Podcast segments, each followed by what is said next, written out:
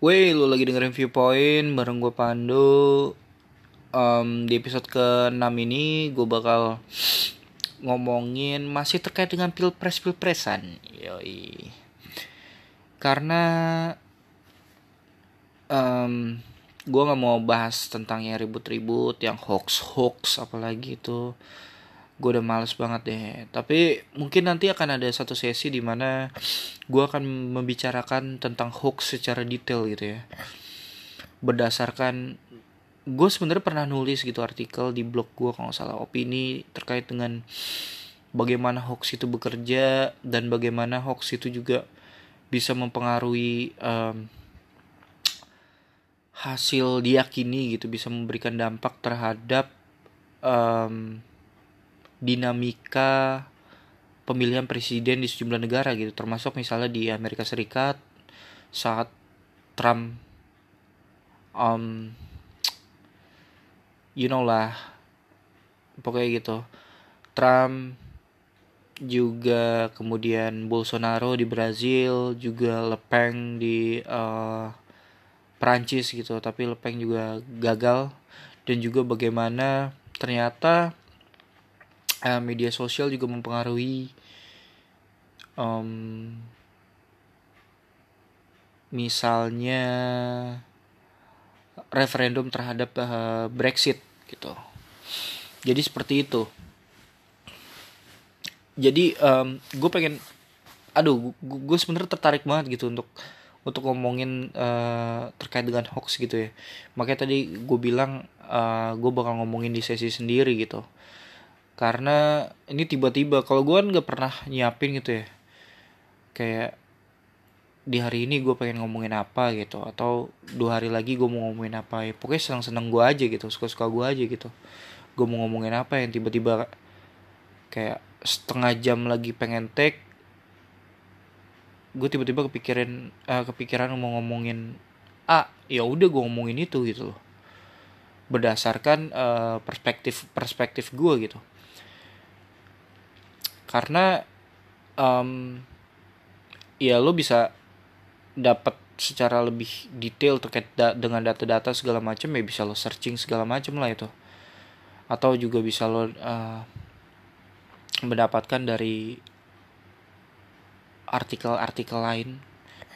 Tapi kalau misalnya lo pengen dengerin dari perspektif gue terkait dengan topik-topik uh, yang gue bahas ya mau gue dengerin podcast ini um, ya di episode kali ini gue pengen ngomongin dan lagi-lagi yang udah gue singgung tadi gitu. Kalau misalnya topik-topik yang gue angkat tuh sebenarnya datang atau kepikiran tuh tiba-tiba gitu. Gak pernah yang kayak gue rencanain secara lebih gue bikin terstruktur segala macem. Mungkin kalau misalnya di stand up tuh gue kayak solih solihun kali ya. Di mana dia nggak pernah nyiapin materi segala macem apalagi di awal-awal stand up gitu. Dan apa apakah sampai sekarang Kang Soleh ini masih melakukan cara yang seperti itu gue nggak tahu. Mungkin ya jadi ya mengalir aja gitu. Gue cuman um, biasanya kepikiran cuma tema besarnya gue pengen ngomongin apa ya udah abis itu ngalor ngidul ngalor ngidul aja gitu. Dan gue juga males juga untuk memecah menjadi beberapa segmen gitu misalnya untuk um, akhirnya udah jadi gelondongan aja gitu. Misalnya ya tema besarnya apa ya otomatis ketika udah didengerin ya ngalor ngidul juga gitu. Entah dari ngomongin apa ngomongin apa ngomongin apa. Tapi gue berusaha tetap uh, gimana caranya itu untuk berada dalam koridor tema besar yang tadi udah gue uh, tetapin gitu. Di awal misalnya gue pengen ngomongin A ya udah gue berusaha berusaha uh, berusaha untuk berada dalam koridor itu gitu. Ya walaupun ya tadi gue bilang gitu pasti akan melenceng melenceng juga tapi setidaknya nggak terlalu jauh lah gitu. Nah untuk di yang sekarang nih gue pengen ngomongin terkait dengan uh, gue lagi-lagi gini ya gue tuh kalau lagi gue gue gue tuh kalau tag podcast tuh dalam kondisi di mana lampu kamar udah gelap dan gue ya udah ngoceh gitu aja gitu gue nggak memegang um, gue nggak di depan laptop yang bisa dipakai untuk nyari data atau gue tidak men tidak memprint bahan sebelumnya. Jadi sebenarnya kalau dipikir-pikir ya podcast gue ini juga sebenarnya minim data sih. Jadi lebih kayak um, berdasarkan pengamatan subjektif gue aja terhadap walaupun gue tetap berusaha untuk tetap uh, seaktual mungkin gitu.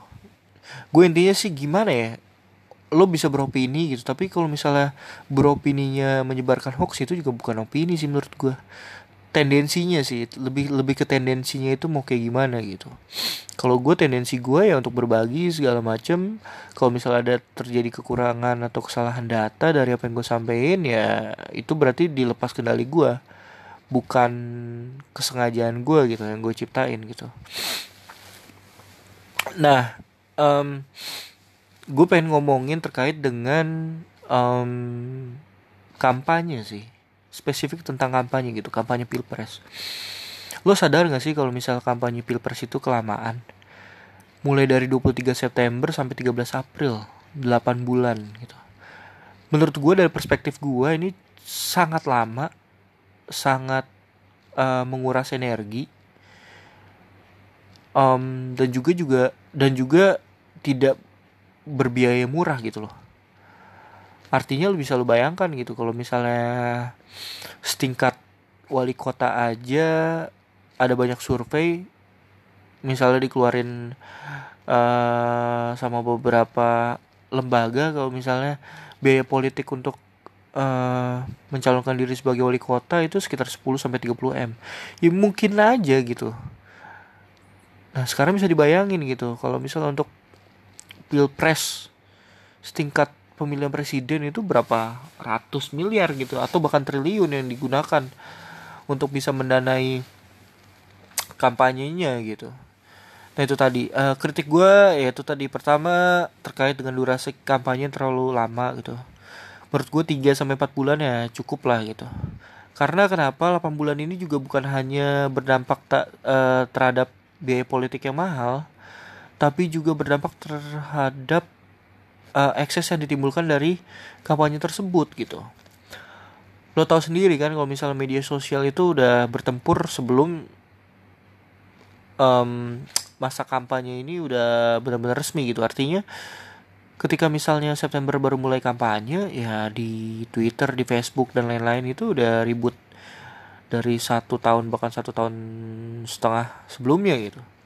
Nah artinya ekses-ekses ini yang akhirnya berdampak menurut gua um, tidak baik gitu. Artinya polarisasi di masyarakat ini tuh sangat besar, sangat rentan sehingga berpotensi untuk menimbulkan per perpecahan gitu. Ya lu bayangin gitu, bahkan untuk di level privat, misal di level terkecil pun ekosistem ya, komunitas terkecil pun dalam keluarga ini bisa berpecah bisa terpecah gara-gara uh, urusan pilpres aja gitu. Berbeda pandangan politik. Si istri bisa milih Prabowo si suami milih Jokowi. Kemudian pecah gitu pecah. Maksudnya ya udah tidak nggak ngobrol sama sekali gitu di dalam uh, di dalam rumah gitu. Padahal ya ya berbeda pandangan politik ya oke lah menurut gue tapi nggak perlu sampai sejauh itu gitu loh ya mungkin itu tadi um, gue tuh nggak pernah nggak pernah dari dulu untuk fanatik terhadap apa ya mengkultuskan seseorang gitu ya apalagi sebagai politisi gitu. Gak pernah gitu. Artinya kalau misalnya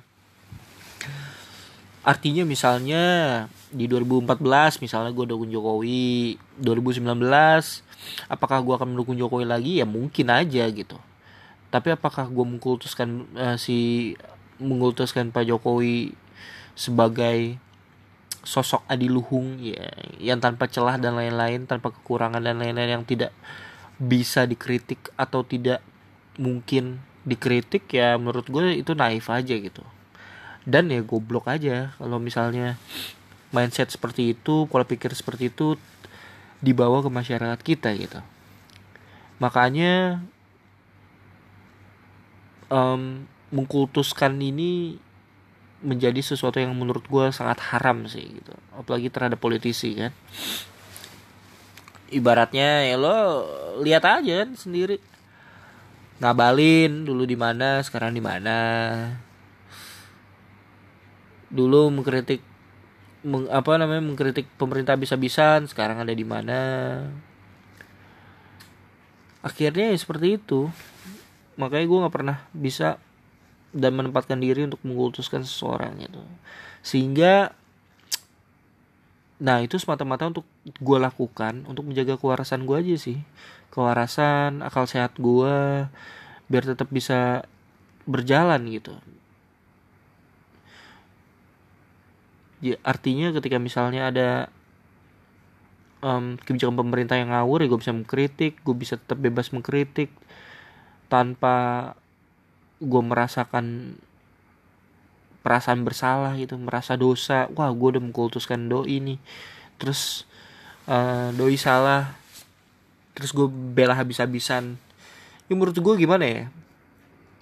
Akhirnya mengkultuskan seseorang apalagi politisi kan ini udah kayak jual diri kan. Nah gue nggak mau gitu melakukan itu.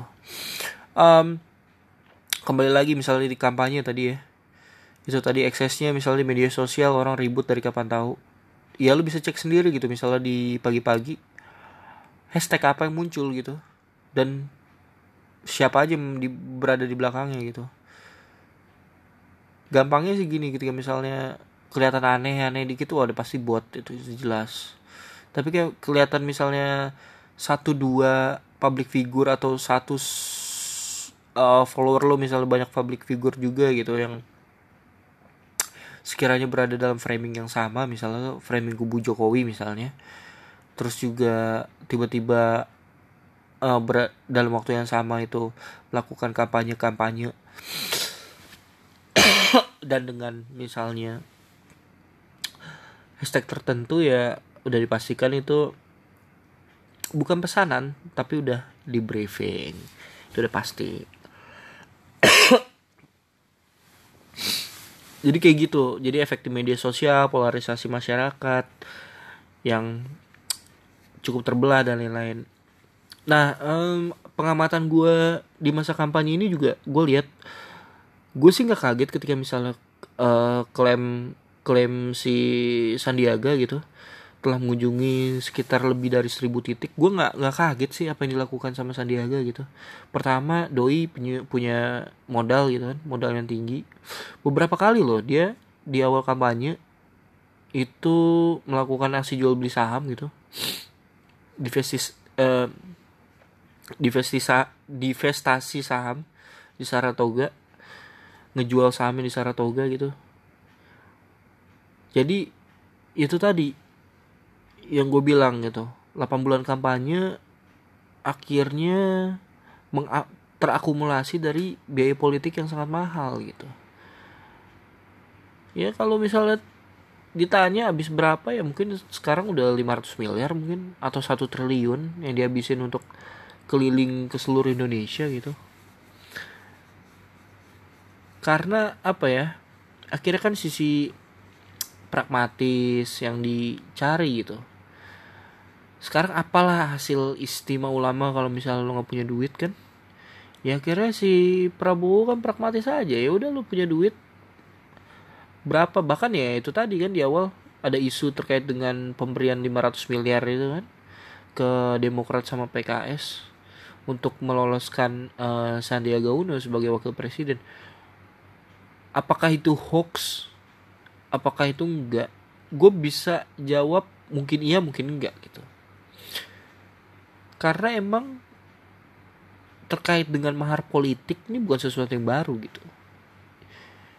Artinya ya bisa jadi bisa iya bisa enggak gitu. Tapi kalau misalnya seorang wasekjen partai demokrat Andi Arief yang saat ini dua hari yang lalu ya sehari yang lalu lah kalau nggak salah.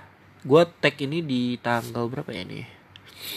5 Maret tanggal 4 ya? Tanggal 4 atau tanggal tanggal 3 ya? Dia ditangkap di apa namanya? Kamar hotel pakai sabu. Ya udahlah pokoknya deh gitulah. Gue malas ngomongin uh, hal-hal kayak gitu. Itu terkait kamar politik dan juga beban durasi yang terlalu lama sehingga menyebabkan um, polarisasi di masyarakat yang tinggi juga beban um, uh, biaya politik yang mahal akibat durasi yang terlalu panjang itu. Terus apa lagi ya? Karena gini ya terkait dengan misalnya mau ngomongin kampanye tuh kan ngomongin ini ya. Kalau misalnya idealnya ini gue gue gue gue pengen menguraikan sesuatu dari sisi idealnya kampanye gitu.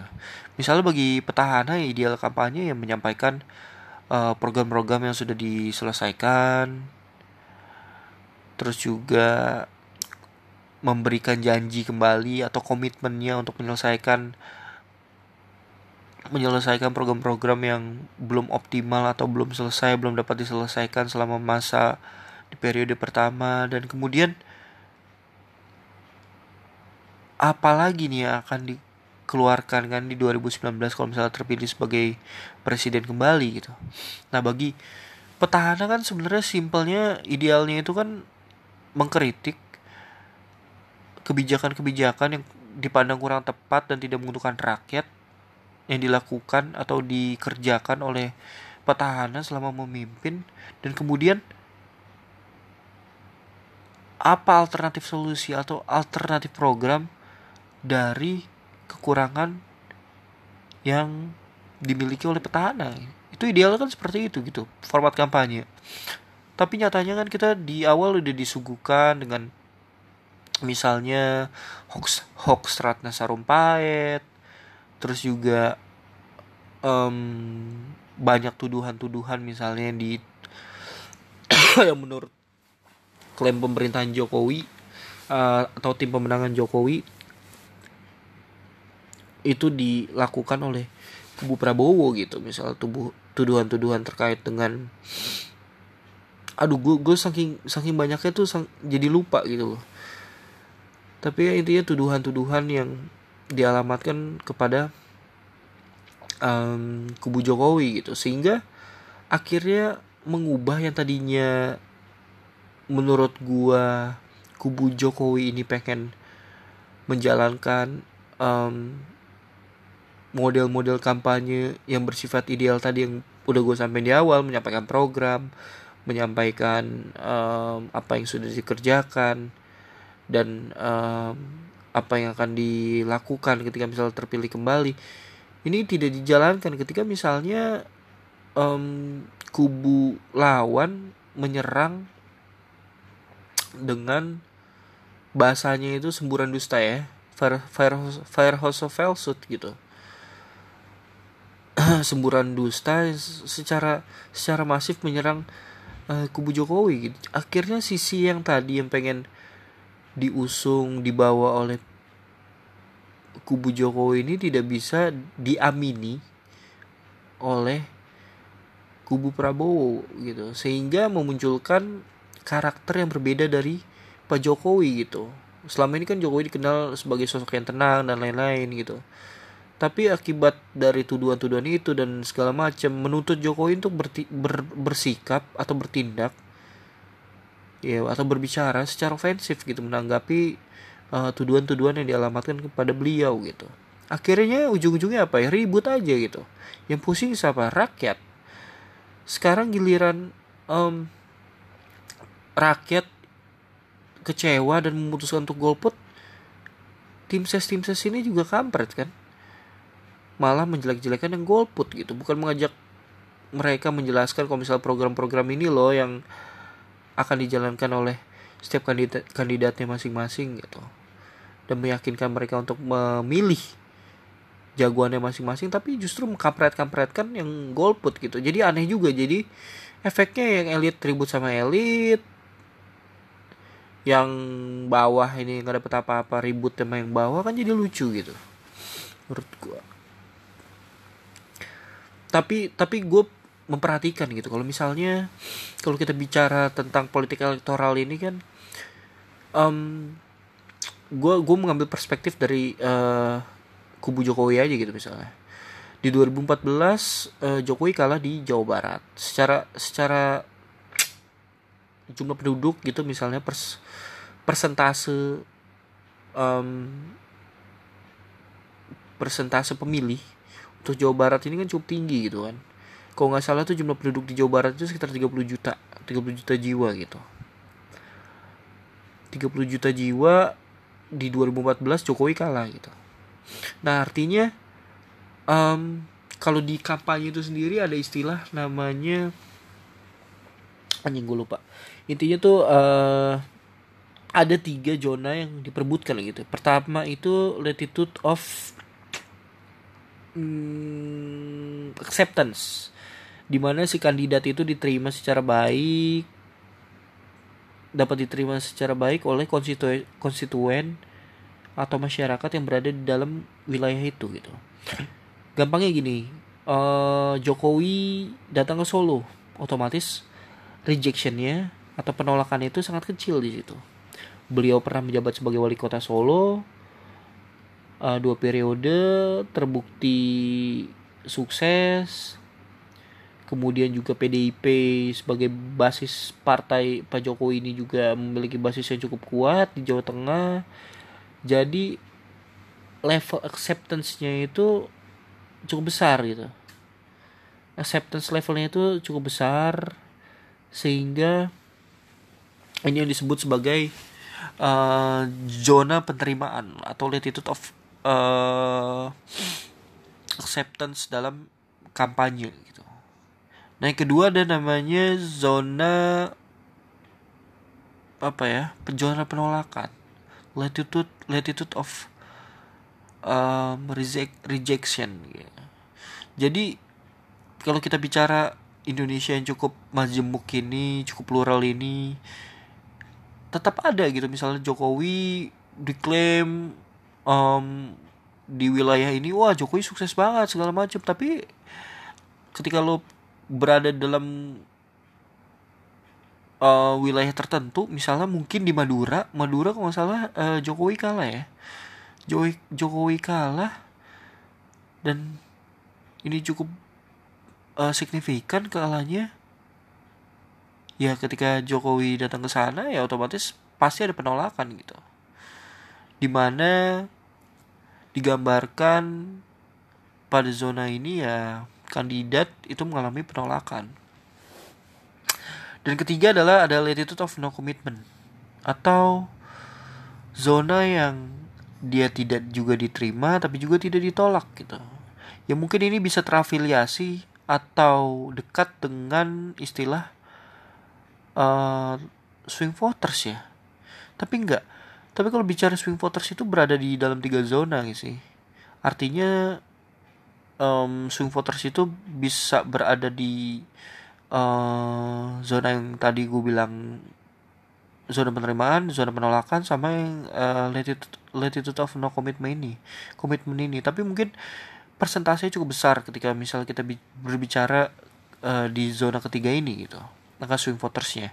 Mungkin artinya ya ini yang diperbutkan oleh kedua belah calon. Kalau misalnya berkaca di Amerika gitu ada beberapa uh, state yang dianggap itu tidak um, tidak benar-benar republik atau tidak benar-benar demokrat sehingga ketika misalnya masa kampanye entah dari calon republik atau demokrat pasti mereka akan terfokus ke daerah-daerah yang swing tadi gitu. Untuk bisa memperebutkan suara di situ gitu. Karena ibaratnya um, Jokowi pengen konsentrasi kampanye di Jawa Tengah misalnya. Terus terus terusan ke Jawa Tengah gitu. Jelas-jelas itu basis masanya buat apa gitu kan? Buang-buang waktu. Lebih baik either pengen um, either pengen pengen berada atau menguatkan kembali basis yang misalnya eh, kira-kira dianggap sebagai yang tadi, yang no commitment tadi, atau emang basis yang ya udah bertarung aja datengin terus daerah yang disebut tadi yang menolak dia gitu. Atau yang hmm, karena gini karena gue lihat gini uh, trennya Maruf Amin itu kan dia dari Banten gitu kan. Bicara Banten ya nggak bisa dilepasin dari Jawa Barat juga kan.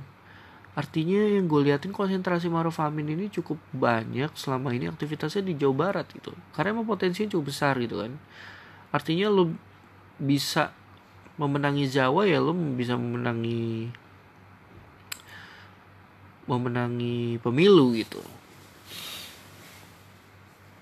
jadi gue lihat juga pembangunan-pembangunan itu cukup berkonsentrasi di Jawa Barat gitu. Ada beberapa bangunan misalnya di uh, bandara. Majaleng di Majalengka ya. Bandara Majaleng Majalengka terus juga tol Bocimi. Selama ini Sukabumi dianggap sebagai daerah yang cukup terisolasi lah karena tidak mempunyai akses tol akhirnya dibangun. Terus juga Jokowi juga lebih sering lebih sering berada di Bogor gitu daripada di istana negara Jakarta gitu. Tapi ini um, mengenai hal ini mengenai hal yang terakhir sih lebih ada yang menganggap kalau misalnya magnet Soekarno ini lebih ada di Bogor dibandingkan dengan yang di Jakarta gitu. Karena di Jakarta itu lebih identik dengan Su Soeharto dan lain-lain. Uh, but I know gitu. Gue nggak tahu. Tapi mungkin kalau gue uh, perhatiin memang pengen Jokowi ini selama empat tahun pemerintah ini pengen memperbaiki citra di Jawa Barat gitu. Memperbaiki citra di Jawa Barat sehingga um, bisa menimbulkan efek elektoral yang cukup besar ketika misalnya di 2019 ini gitu. Masuk akal gitu. Karena kalau kita bicara itu tadi yang pernah yang udah gue sampein tadi kan lu kuasain aja Jawa ya selesai gitu. Karena potensi untuk Jawa dan Sumatera ini kan udah sekitar 78 persenan gitu dari total uh, pemilih di seluruh Indonesia gitu. Jadi menurut gue yang akan menjadi konsentrasi ya di di Jawa gitu. Pertempuran itu di Jawa Barat. Secara spesifik pertempuran di mana? Di Jawa Barat gitu. Jawa Timur Jawa Tengah gue prediksi sih udah miliki Jokowi gitu. Tapi kalau bicara Jawa Barat nah ini gap yang berusaha di ditekan terus oleh um, Jokowi gitu untuk ya boleh kalah mungkin tapi ya mungkin lima persen gak jauh dari lima persen gitu. Mungkin itu target yang di dicapai secara realistis gitu. Terus um, apalagi ya? Tadi udah gue gue udah udah singgung terkait dengan beban biaya politik yang mahal segala macam terus juga eh iya um, kampanye kampanye yang ada itu kayak gimana formatnya segala macam oh iya bahkan dua hari yang lalu kok nggak salah Jokowi itu sempat curhat kalau misalnya terjadi penurunan 8% elektabilitas di Jawa Barat gitu. Klaimnya sih sebelumnya itu udah di angka 4% di atas gitu. Tapi kemudian tiba-tiba ada 8% penurunan. Dan ini menurut gue sebagai respon atas um, ditangkapnya ya, kok nggak salah. Tiga orang ibu-ibu, kok nggak salah ya. Tiga orang ibu-ibu di daerah mana sih? Karawang apa mana gitu. Yang melakukan kampanye hitam gitu ya. Menyebarkan berita bohong dan lain-lain. Itu secara door to door dan itu dilakukan secara masif ternyata. Apakah ini misalnya pengen apakah respon ini bisa dianggap juga sebagai menegasikan um, kampanye yang sudah dilakukan oleh Prabowo Sandi atau itu mendelegi mendelegitimasi kalau misalnya kalau Jokowi kalah ya Joko Jokowi kalah di Jawa Barat ya efeknya itu. Ya bisa aja gitu namanya dalam politik gitu kan. Artinya lu bisa menggunakan tafsir atau pendekatan mana pun kan untuk bisa menganalisis kan. Sah-sah aja gitu. Um, itu tadi gue udah uh, sampai ini terkait dengan kampanye yang dijalankan segala macam uh, karena gimana ya gue juga nggak kaget gitu. Kayak misalnya uh, Sandiaga Uno melakukan terjun langsung ke banyak daerah segala macam ya, ya simple aja gitu karena yang punya duit dia gitu. Prabowo cukup apa ya menurut gue tuh Prabowo tuh udah udah habis masanya lah. Seharusnya bang sudah di fase ya udahlah gak usah maju lagi gitu. Gak usah terlalu ambisius. Karena kalau pengen kita pengen juga bahas terkait dengan, dengan organ pemenangan gitu misal partai politik partai pendukung ya konsentrasi mereka ini bukan di pilpres gitu. Konsentrasi mereka di pileg. Makanya simpel aja kan ketika misalnya uh, ada seju, sejumlah uh, anggota Partai Demokrat misalnya mendeklarasikan mendukung Jokowi Jokowi Maruf gitu di beberapa daerah. Ya karena konstituennya emang yang menang ya Jokowi Maruf. Ibaratnya lo pengen mengkampanyekan atau melinearkan gitu. Artinya misal Demokrat Demokrat di pusat gitu terus mendukung Prabowo Sandi terus dibawa ke daerah ternyata tidak sesuai dengan profil konstituennya ya selesai gitu kan. Buang-buang duit gitu Nah yang dilakukan oleh partai ya konsentrasinya ke ke pileg gitu, bukan ke pilpres gitu. Karena emang itu tadi karena pertarungan ini kan dilakukan di waktu yang bersamaan gitu kan. Kalau mau tetap bertahan di parlemen dan lain-lain ya fokusnya emang harus di pileg gitu. Sehingga itu tadi tidak bisa mengandalkan partai koalisi yang sifatnya memang pragmatis kedekatannya juga urusan ya mau di mau, mau dibilang jabatan ngincer jabatan segala macam memang itu faktanya gitu kan. Menunggu ceruk bahasanya menunggu ceruk menunggu jatah. Ya memang itu faktanya gitu.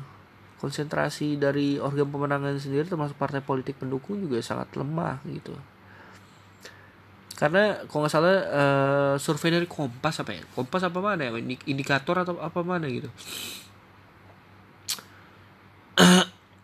Efek efek elektoral terhadap uh, iya efek elektor efek dukung-dukung terhadap pilihan presiden cuman dirasakan oleh oleh ya partai partai uh, partai dari presidennya gitu. Calon presidennya. Artinya efeknya cuman efek ekor jas ini cuma dirasakan oleh um, PDIP dan juga Gerindra gitu. Selebihnya ya efeknya sangat kecil bagi partai-partai lain gitu. Artinya walaupun partai-partai yang udah deklarasi untuk mendukung satu atau eh mendukung satu atau dua ya ternyata efeknya juga kecil gitu terhadap elektabilitas mereka gitu ya jelas mereka berkonsentrasi untuk memenangkan pileg terlebih dahulu baru ngomongin pilpres. Jadi akhirnya mau nggak mau harus kerja effort ya apa ya kerja ekstra. Kerja kerja ekstra dari semua tim pemenangan masing-masing gitu. Tim pemenangan masing-masing dan malasnya emang gimana ya gue I don't know itu udah terlalu lama banget. Eksesnya udah berlebihan. Dan gak membawa kita ke mana-mana gitu. Justru akhirnya menjadi sorotan kalau misalnya kualitas demokrasi kita tuh oh cuma sebatas itu ya. Ternyata hoax yang mendominasi ya. Ya seperti itu sih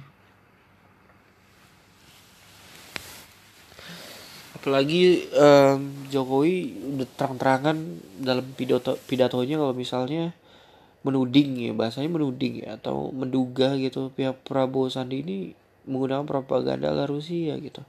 Dan ini mengacu kepada strategi yang dilakukan oleh Trump gitu. Oleh Trump. Gue pernah pernah pernah nonton videonya gitu terkait dengan ini gitu. Investigasinya terkait dengan kedekatan uh, Trump dengan misalnya dengan Rusia. Jadi ada salah satu uh, wilayah di Rusia ini yang apa namanya di uh, uh, ada salah satu wilayah di Rusia ini dia mengontrol terhadap jalannya pemerintahan di uh, Amerika gitu. Dengan propaganda dan lain-lain dengan memanfaatkan misalnya Facebook karena sempat terjadi kebocoran data kan. Kebocoran data Facebook gitu. Jadi gini gimana ya? Lo bisa bayangkan ketika misalnya ini ini cukup ngeri sih. Cukup ngeri. Jadi uh, cara kerjanya gue gue kan lagi-lagi gue gue akan gue akan bahas ini lebih detail ketika misalnya nanti akan berbicara tentang hoax. Tapi gue akan bicara cara kampanye karena ini menyinggung juga kan dengan kampanye yang dilakukan oleh uh, oleh presiden gitu pada pemilihan presiden di negara lain misalnya di Amerika. Jadi dilakukan adalah anak-anak muda ini di Rusia ini mengontrol mengontrol uh, ya bahkan memiliki situs pribadi situs propaganda propaganda situs propaganda yang uh, aduh anjir lupa gue. Siapa sih tim pemenangannya? Trump itu Bannon nih kalau salah ya. Ah, I don't know gue lupa. Karena gue udah nontonnya udah cukup lama ini film itu. Film bagus banget terkait dengan uh, how fake fake news work uh, uh, apa ya? How hoax can affect the result of the election process gitu. Jadi pokoknya kayak gitu gitulah intinya jadi itu mereka bisa sa sampai mereka bisa menargetkan secara spe spesifik iklan atau konten apa yang akan ditampilkan kepada uh, calon yang dituju gitu. Misalnya gini gue tahu kalau misalnya uh, misalnya gue misalnya gue menjadi tim bagian dari situ ya dan ini gue pengen mengambil contoh contoh dalam konteks Indonesia. Bahasa gini anggap aja ini pesanan dari kubu 01 misalnya. Anggap aja kayak gitu. Eh misalnya nge-briefing gue nih woi bro lo tahu kan gue di 2014 kalah? Angkanya sekian sekian sekian sekian. Lo bisa nggak mempengaruhi pemilih ini untuk uh, mencoblos gue nanti 2019 nah yang dilakukan oleh anak-anak muda ini di sebuah kota kecil di Rusia setahu gue tuh di bawah lembah gunung apa gitu di daerah kecil kok. Dilakukan adalah dia memetakan menggunakan data Facebook dia memetakan orang eh, orang-orang yang bermain Facebook di Jawa Barat. Jadi secara spesifik gitu. Misalnya gini pem, uh, pemilih itu mulai dari umur berapa sih? Misalnya umur 17 nah yang dilakukan adalah oke okay, gue cari 17 tahun tinggal di wilayah di Jawa Barat kemudian uh, bermain Facebook otomatis karena ini misalnya data dari Facebook dan kemudian orang-orang ini mampu secara psikologis itu bisa merangsang ya membantu merangsang orang-orang ini untuk terpengaruh terhadap uh, terhadap berita-berita propaganda yang akhirnya menyebabkan si orang yang misalnya dia berada di Jawa Barat ini bisa mencoblos Jokowi bahasa gitulah intinya. Jadi sampai hal-hal psikologis ini diperhatikan gitu. Dan kemudian gini kayak misalnya tadi oh gua ini dan dia bisa membaca gitu oh ini si Pandu di nggak mungkin banget nih dia milih Jokowi nih nah kemudian dengan analisisnya itu algoritma segala macam dia bisa ibaratnya mempush bahasanya apa ya? Gue di, di di Facebook dark post. Oke ada dark post. Artinya gini konten itu bisa bisa dilihat oleh gue sendiri gitu. Karena gue ditargetkan untuk memilih. Ditargetkan untuk memilih Jokowi. Jadi artinya gue dipush dengan konten-konten hoax entah hoax propaganda segala macam. Misalnya menjelek-jelekan Prabowo yang akhirnya end up tuh gue akhirnya pilih Jokowi gitu dan kenapa disebut dark post? Karena konten ini cuma bisa dilihat dari gue gitu. Dan secara secara spesifik memang menargetkan gue aja gitu. Di home gue nggak kelihatan. Maksudnya lo sebagai teman gue lo nggak bisa ngeliat konten ini gitu. Jadi seperti itu gitu cara cara yang dilakukan oleh kampanye Trump saat itu di 2016 kan. Sampai separah itu gitu. Tapi apakah misalnya um, misalnya di cara-cara ini dipakai di Indonesia mungkin aja gitu. Oleh pihak yang mana ya gue nggak tahu gitu. Ya mungkin kalau misalnya Jokowi sudah tanda kutip menuding segala macam ya mungkin memang benar gitu. Dipakai oleh kubunya Prabowo tapi ya gue nggak tahu apakah ini benar apakah apakah ini salah. Gue nggak tahu gitu. Belum terkonfirmasi kan mengenai hal ini karena ini berhubungan dengan it's, it's just matter of strategy gitu kan. Either lo buruk atau enggak gitu kan. Ini gue bicara dalam konteks strategi aja kan strategi pemenangan gitu. Apakah itu baik buat Indonesia buat apa segala macam gue nggak ber nggak ngobrol nggak nggak ngebahas sampai sana gitu. Intinya gitu sih. Jadi kalau misalnya gue pengen kasih kesimpulan apa yang udah gue dapet atau apa yang uh, udah gue lihat berdasarkan pengamatan dan Anabel gue analisis gembel gue itu tadi. Kampanye terlalu lama beban sehingga menimbulkan beban politik mahal eksesnya banyak polarisasi polarisasi masyarakat yang semakin tinggi. Terus juga um, apa lagi ya tadi ya? Oh iya uh, kampanye yang seharusnya idealnya itu kayak gimana dan sekarang itu kayak gimana model-model kampanyenya gitu. Jadi gue cuma berharap ya 17 April segeralah datang biar publik punya alternatif hiburan lain selain cebong cebongan kampret kampretan. Ya sementara itu dulu kali ya. Gue udah cukup ngantuk nih. Oke dah bye